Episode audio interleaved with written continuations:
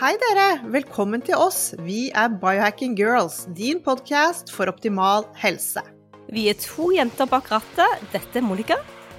Og dette er Alette. Vi er biohacking-kollegaer og legger sammen våre erfaringer og kunnskap for å inspirere deg til å ta fatt på biohacking for å optimalisere helsen din.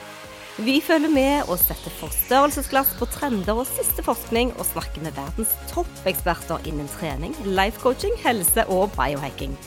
Er du klar for å starte med konkrete hacks, lytte til din egen kropp og ta fatt på din helsemessige reise sammen med oss? Vi ønsker naturlig tilnærming til helsen vår, og vi snakker til både menn og kvinner.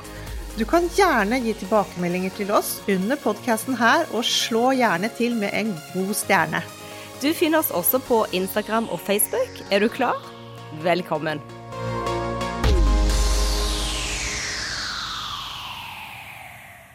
Her sitter vi sammen med gynekolog Helena Enger, og hun har vært gjest hos oss tidligere når vi snakket om overgangsalder for både menn og kvinner. Og etter den episoden så fikk vi veldig mye tilbakemeldinger og spørsmål på hvorfor vi sverger til bioidentiske hormoner. Og noen kritiserte oss ganske heftig og mente at vi drev med villedende informasjon og ikke hadde helt dekning for det vi sa. Dette hørte vi selvsagt på, og tok kontakt igjen med Helena. Og vi har hentet inn enda mer forskning på feltet. Så la oss komme i gang, Helena. Takk for at du har kommet tilbake til oss, og velkommen til oss i Biohacking Girls podcast. Veldig hyggelig å ha deg her. Tusen takk. Helena, kan vi ikke bare begynne med en gang med en liten begrepsavklaring? Hva er bioidentiske hormoner? Ja, jeg forstår jo at det er stor forvirring rundt omkring begrepet her. Og om vi tar det rent tekniske først, så er jo da bioidentiske hormoner er hormoner som er helt like de hormonene som vi lager i våre eggstokker når det går om gynekologi, da. Og det betyr det er østradiol, som er det østrogenet som vi lager, og så er det progesteron, som man da får som mikronisert progesteron når man går på apoteket og, vil handle det. Og så er det også testosteron som kan gjøres mikroidentisk. I tillegg så finnes dehydroepiandrostendion, eller DHEA, og så finnes um, Levaksin for eksempel, for de som har stoffskifteplager, det er også bioidentisk. Så det finnes litt uh, forskjellig. Det finnes også forskjellige østrogener, østriol og østron for eksempel, men det er ikke det som vi bruker for overgangsaldersterapi. Men jeg kan kanskje fortelle veldig, veldig kort at uh, p-piller for eksempel, om noen lurer på p-piller om de er bioidentiske, det er de ikke, fordi i p-piller bruker man noe som heter etinyløstradiol. det er syntetisk. Og så bruker man forskjellige gestagener, som er stoffer som blir syntetisk fremstilt for å ligne på progesteron. Så vi har vel omtrent ikke noen bioidentiske p-piller. Men vi har det når det går om overgangsaldersterapi. Finnes det andre hormonbehandlinger enn de du nevner nå med p-piller og overgangsalder, som man skal vite om i forhold til om det er syntetisk eller bioidentisk? Ja, eh, du kan si at det som vi bruker også for overgangsaldersterapi, det er jo hormoner som fungerer kjempebra på plager i overgangsalderen. Men gestagenet, da, det preparatet som passer på livmorslimhinnen, og som skal være så likt, eller man ønsker å lage så likt eget progesteron som mulig, det er da syntetisk fremstilt. Og da kan man tenke litt på progesteron som vi lager i våre eggstokker, det kan man tenke på som jordbær, og så kan man tenke på etterligningene av jordbær som en fruktkurv. Og der har dere progesteron versus gestagener som er syntetiske. Så syntetiske gestagener finnes mye av, det kan absolutt brukes, og det vi vet er at de er litt hissigere på brystkjertelvevet, og det er derfor jeg er så veldig opptatt av at vi gir, så fremt vi klarer, bioidentiske hormoner til kvinner i overgangsalderen. Så disse bioidentiske hormonene, hva er de fremstilt av? Ja, det høres jo litt ut som noen står på kjøkkenet og lager det ut ifra rotfrukter eller jams eller noe sånt, men det er jo ikke sånn. De bioidentiske hormonene blir også laget på apotek, uh, unnskyld, av, um, av farmasøytiske firmaer, og det er denne typen av bioidentiske hormoner som er anbefalt, fordi her vet vi noen ting om renheten, vi vet at de inneholder akkurat de stoffene som står på, på bruksanvisningen, og vi vet styrken. Og det man advarer mot, det er bioidentiske hormoner som blir blandet på apotek, og grunnen for det, det er at det er bare apoteket selv som kan etterprøve renheten av stoffene og hva for type stoffer som er oppi.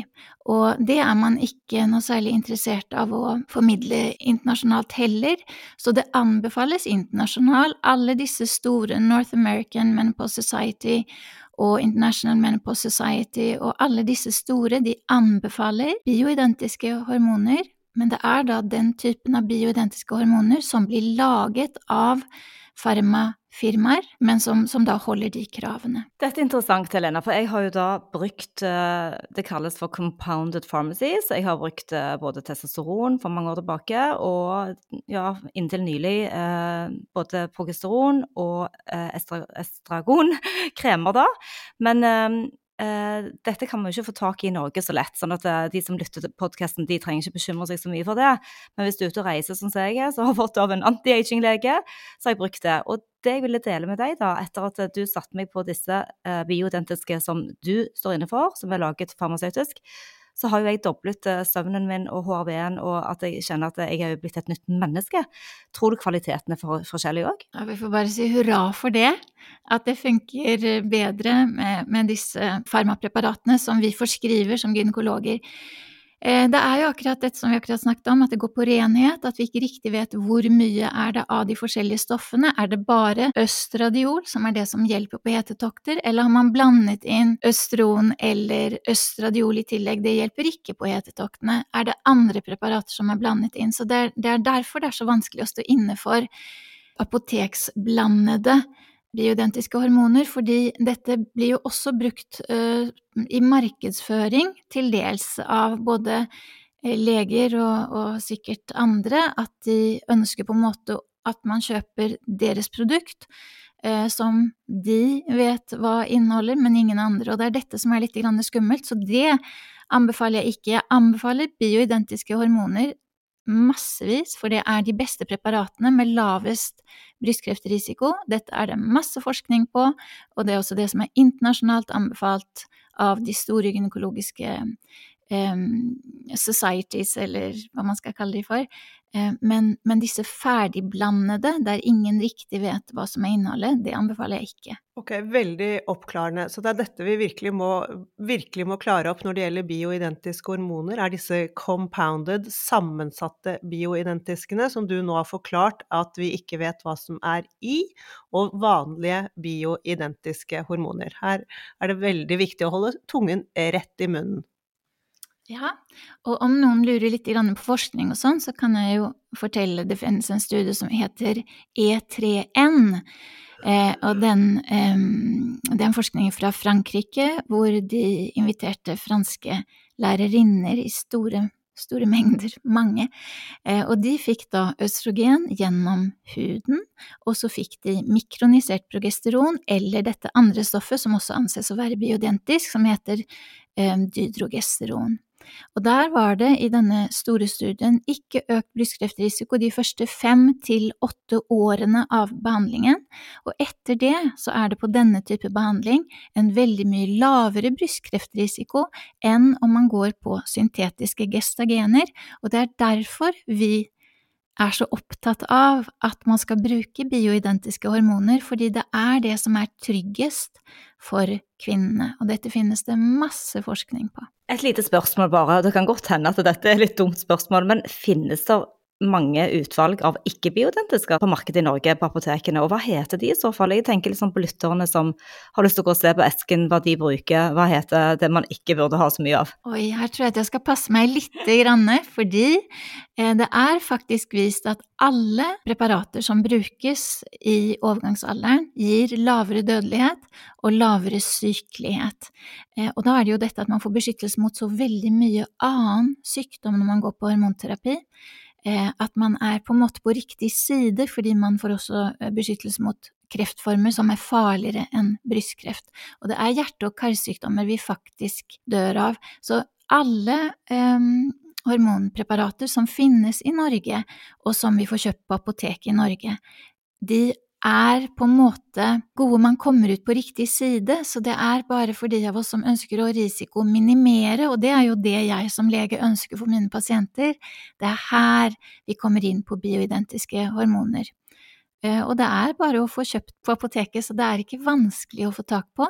Det er mikronisert progesteron eller dydrogesteron er på det som kalles for registreringsfritak, men det er ikke noe problem eh, for en lege å skrive ut, man må bare vite om det. Du bruker jo dette aktivt, disse bioidentiske, men er det sånn at de fleste leger egentlig skriver ut bioidentiske hormoner, eller er, er vi fortsatt på de syntetiske, vet du noe om det? Det er nok fortsatt sånn at mange får de gamle hormonpreparatene mot overgangsaldersplager, og, og, det er jo på en måte ikke så rart, kanskje, fordi jeg må jo si at jeg er mer enn middels opptatt av overgangsalder og hvordan det skal behandles, så, så det er klart at akkurat som kvinner i Norge trenger oppdatering, trenger å lære om overgangsalder og hva man kan gjøre og hvilke preparater som er de beste, så er det nok kanskje sånn at uh, noen leger også kunne hatt godt av uh, en, en, liten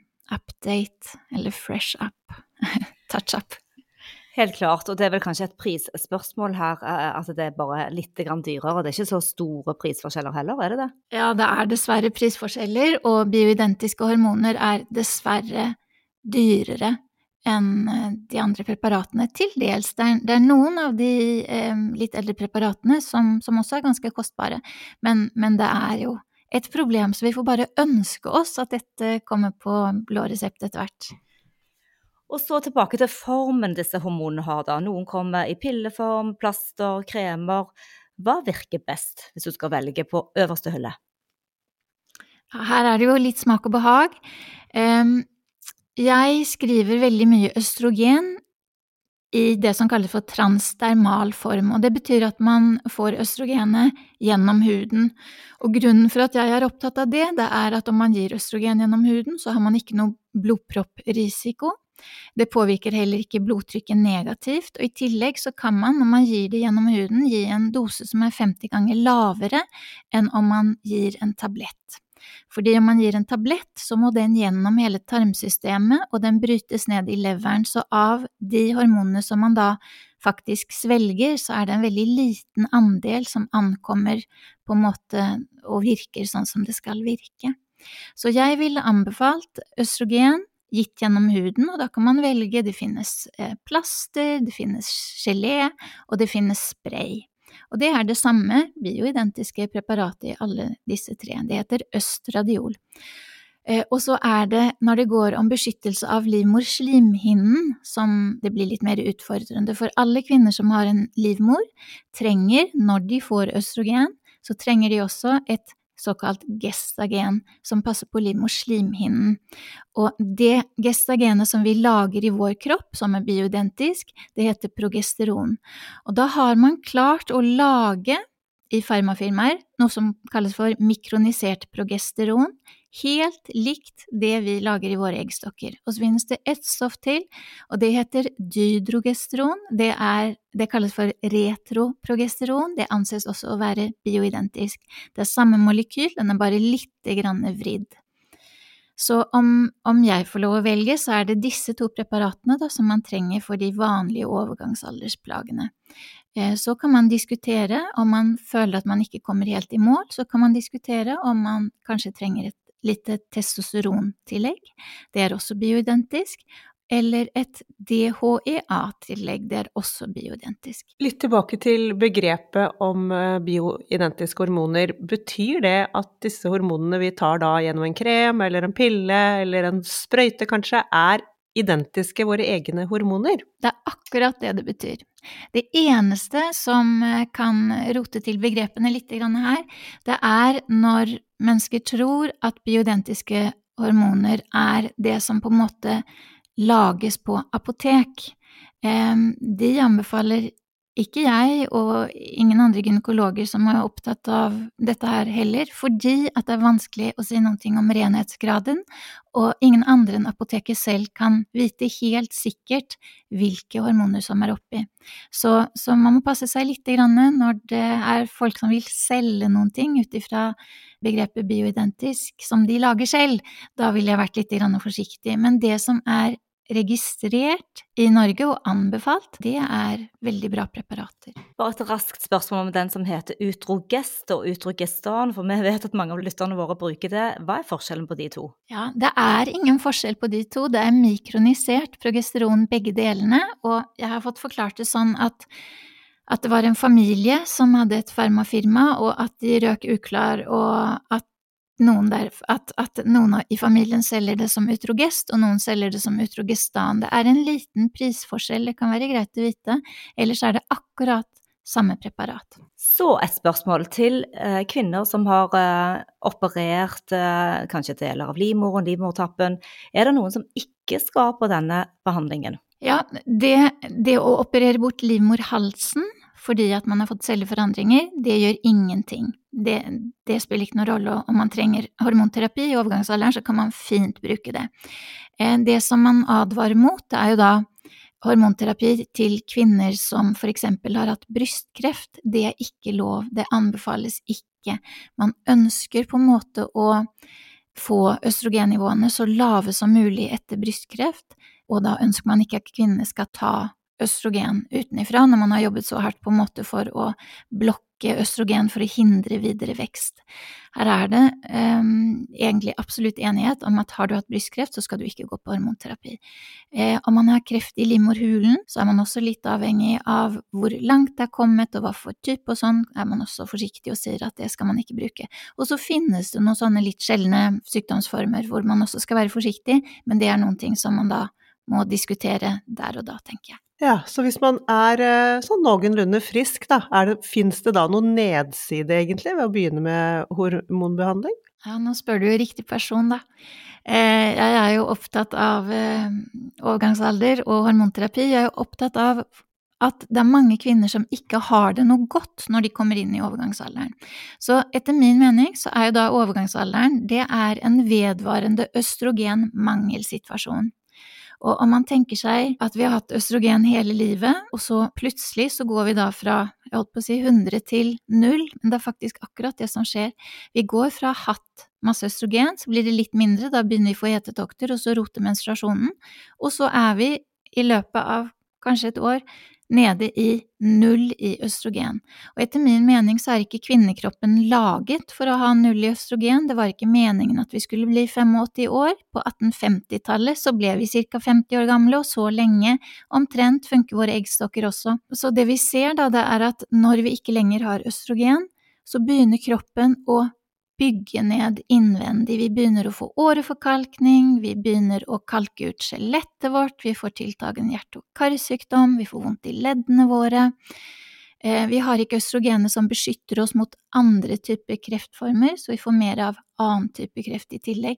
Så det er veldig mange gode grunner for å gå på hormonterapi i overgangsalderen, så fremt man er frisk. Og når du går på denne hormonterapien, da, vil den òg kanskje gi deg en lengre syklus? Altså vil du ha menstruasjon lengre? Eh, det er det ene jeg lurer på. Og så òg hvor lenge skal man gå på denne? Skal man trappe ned når man blir 70-80, eller er det for hele livet? Ja, her går det nok mer og mer i retning av at det er kvinnen selv som velger ut ifra livskvaliteten. Ja, så i retningslinjene i dag, også i Norsk Forening sine retningslinjer, så står det at så fremt man går på de sikreste preparatene, i så høy dose som nødvendig, men så lav dose som mulig, så er det kvinnens velbefinnende som skal være utslagsgivende, så frem man ikke blir syk og gynekologen eller legen da må si at nå, nå, må vi slutte fordi nå har du fått en sykdom som ikke passer med hormonterapi. Det er sjeldent. Så professor Genasani, som er en italiensk guru på feltet, han skrev en artikkel om dette høsten, jeg tror for ett år siden. Og han var veldig tydelig på dette her, at pasienten skal ta et velinformert valg. Det betyr at legen skal informere om fordeler og ulemper. Og nå nevnte jeg denne studien i stad, der de hadde forsket i Frankrike på på alle disse franske lærerinnene at på østrogen, for så vidt ikke gjennom huden, men mikronisert progesteron eller dydrogesteron, ikke var noe økt brystkreftrisiko de første fem til åtte årene av behandlingen.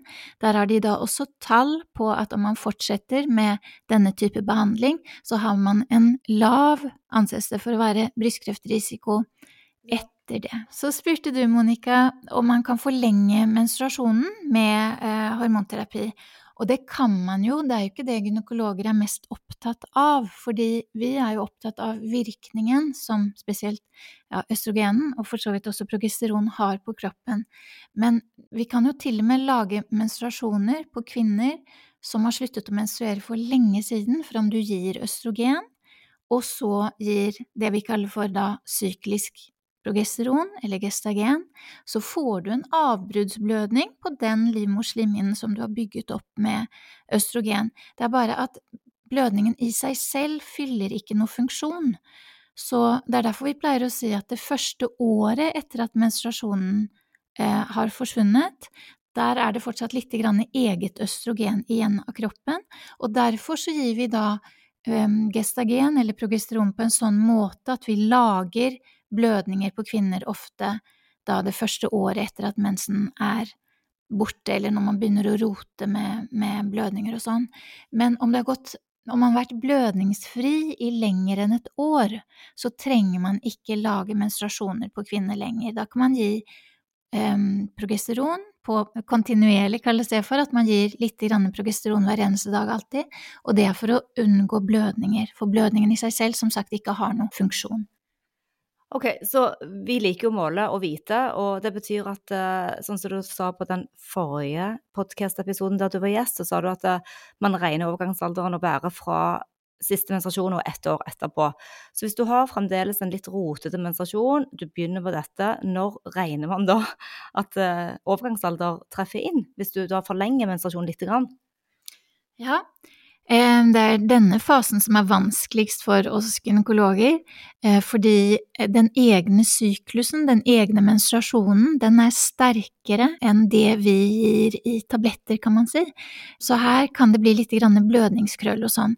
Men om vi snakker om perimenopause, så sier man at de to årene før man har sin siste menstruasjon, og også de to årene etter man hadde sin siste menstruasjon, eller det man tror kanskje er den siste menstruasjonen, de årene er da litt usikre, fordi vi ser jo av og til at man ikke har hatt menstruasjon på et halvt år, og så får man en blødning, og da sier man at man er i overgangsalderen ett år etter den siste blødningen, så da forlenger man på en måte denne tiden. Man trodde kanskje at man var i overgangsalderen allerede, eller i klimakteriet som det heter, ett år etter siste menstruasjon, da, og så får man seg en overraskelse, for der kom en ny blødning, ok, og da får vi skyve på det et år til. Det betyr rett og slett bare at kroppen lager litt, eller lager nok østrogen og nok progesteron til å lage en menstruasjonsblødning, men det kan ta tid, da, det kanskje tar et halvt år før man på en måte har bygget opp den slimhinnen godt nok, eller nok til å få en blødning. Bra. Um da lurer vi på uh, Nå er det sikkert veldig mange som syns dette er kjempeinteressant og har kanskje lyst til å gå i gang med en sånn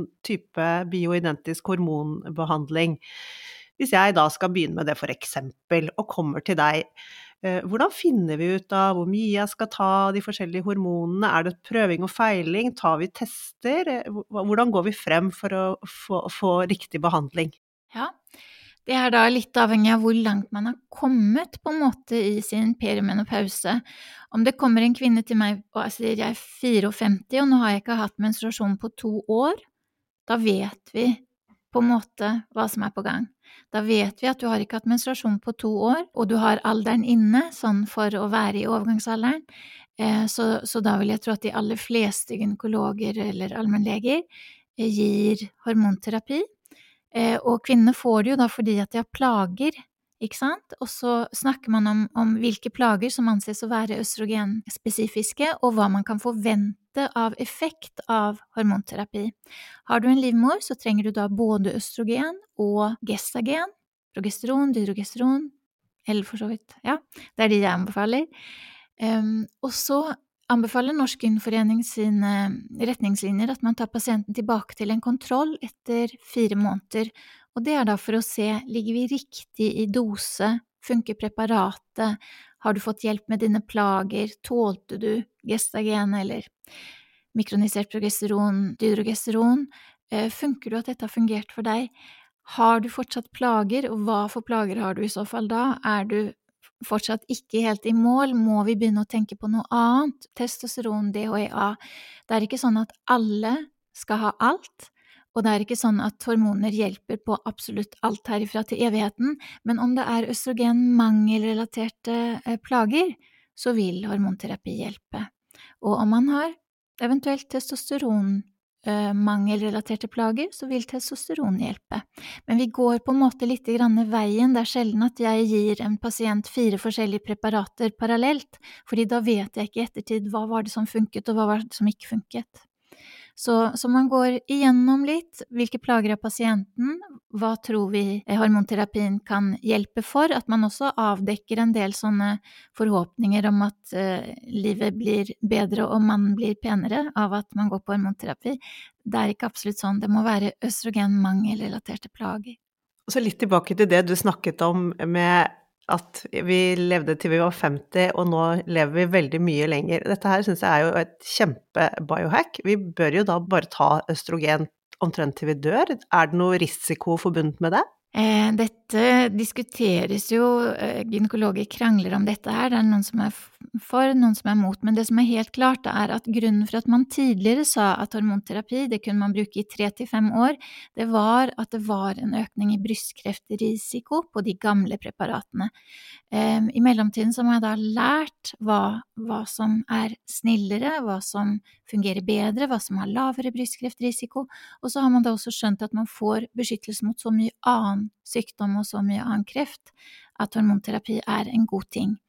Så jeg tenker at allerede denne artikkelen fra professor Genasani som sier at det skal være et velinformert valg, men det er kvinnens valg, eh, det gjør jo faktisk at man allerede har gitt kvinnen eh, styremulighet over egen kropp og eget humør, og det skal godt ja, jeg, jeg, tenker at det er litt den retningen vi går, til tross for at ingen vil si det. Men det, er, det kan absolutt være at det blir sånn etter hvert, ja. Nei, Strålende, dette var veldig interessant, og da vet vi at vi kan komme tilbake etter fire måneder hvis man har begynt, ta nye målinger, kjenne etter selv, og ja, velge selv om du har lyst til å gå på dette resten av livet. Tusen takk for at du kom til oss, Helene Enger, du er helt topp. Tusen takk for at jeg fikk lov å komme. Så vil du lære mer og vite mer, så kan du eh, sjekke ut boken til Helene Enger som heter 'Hetetokter og andre kalde fakta'. Hun holder til på Volvart. Og ja, tusen takk for at du lyttet. Happy biohacking!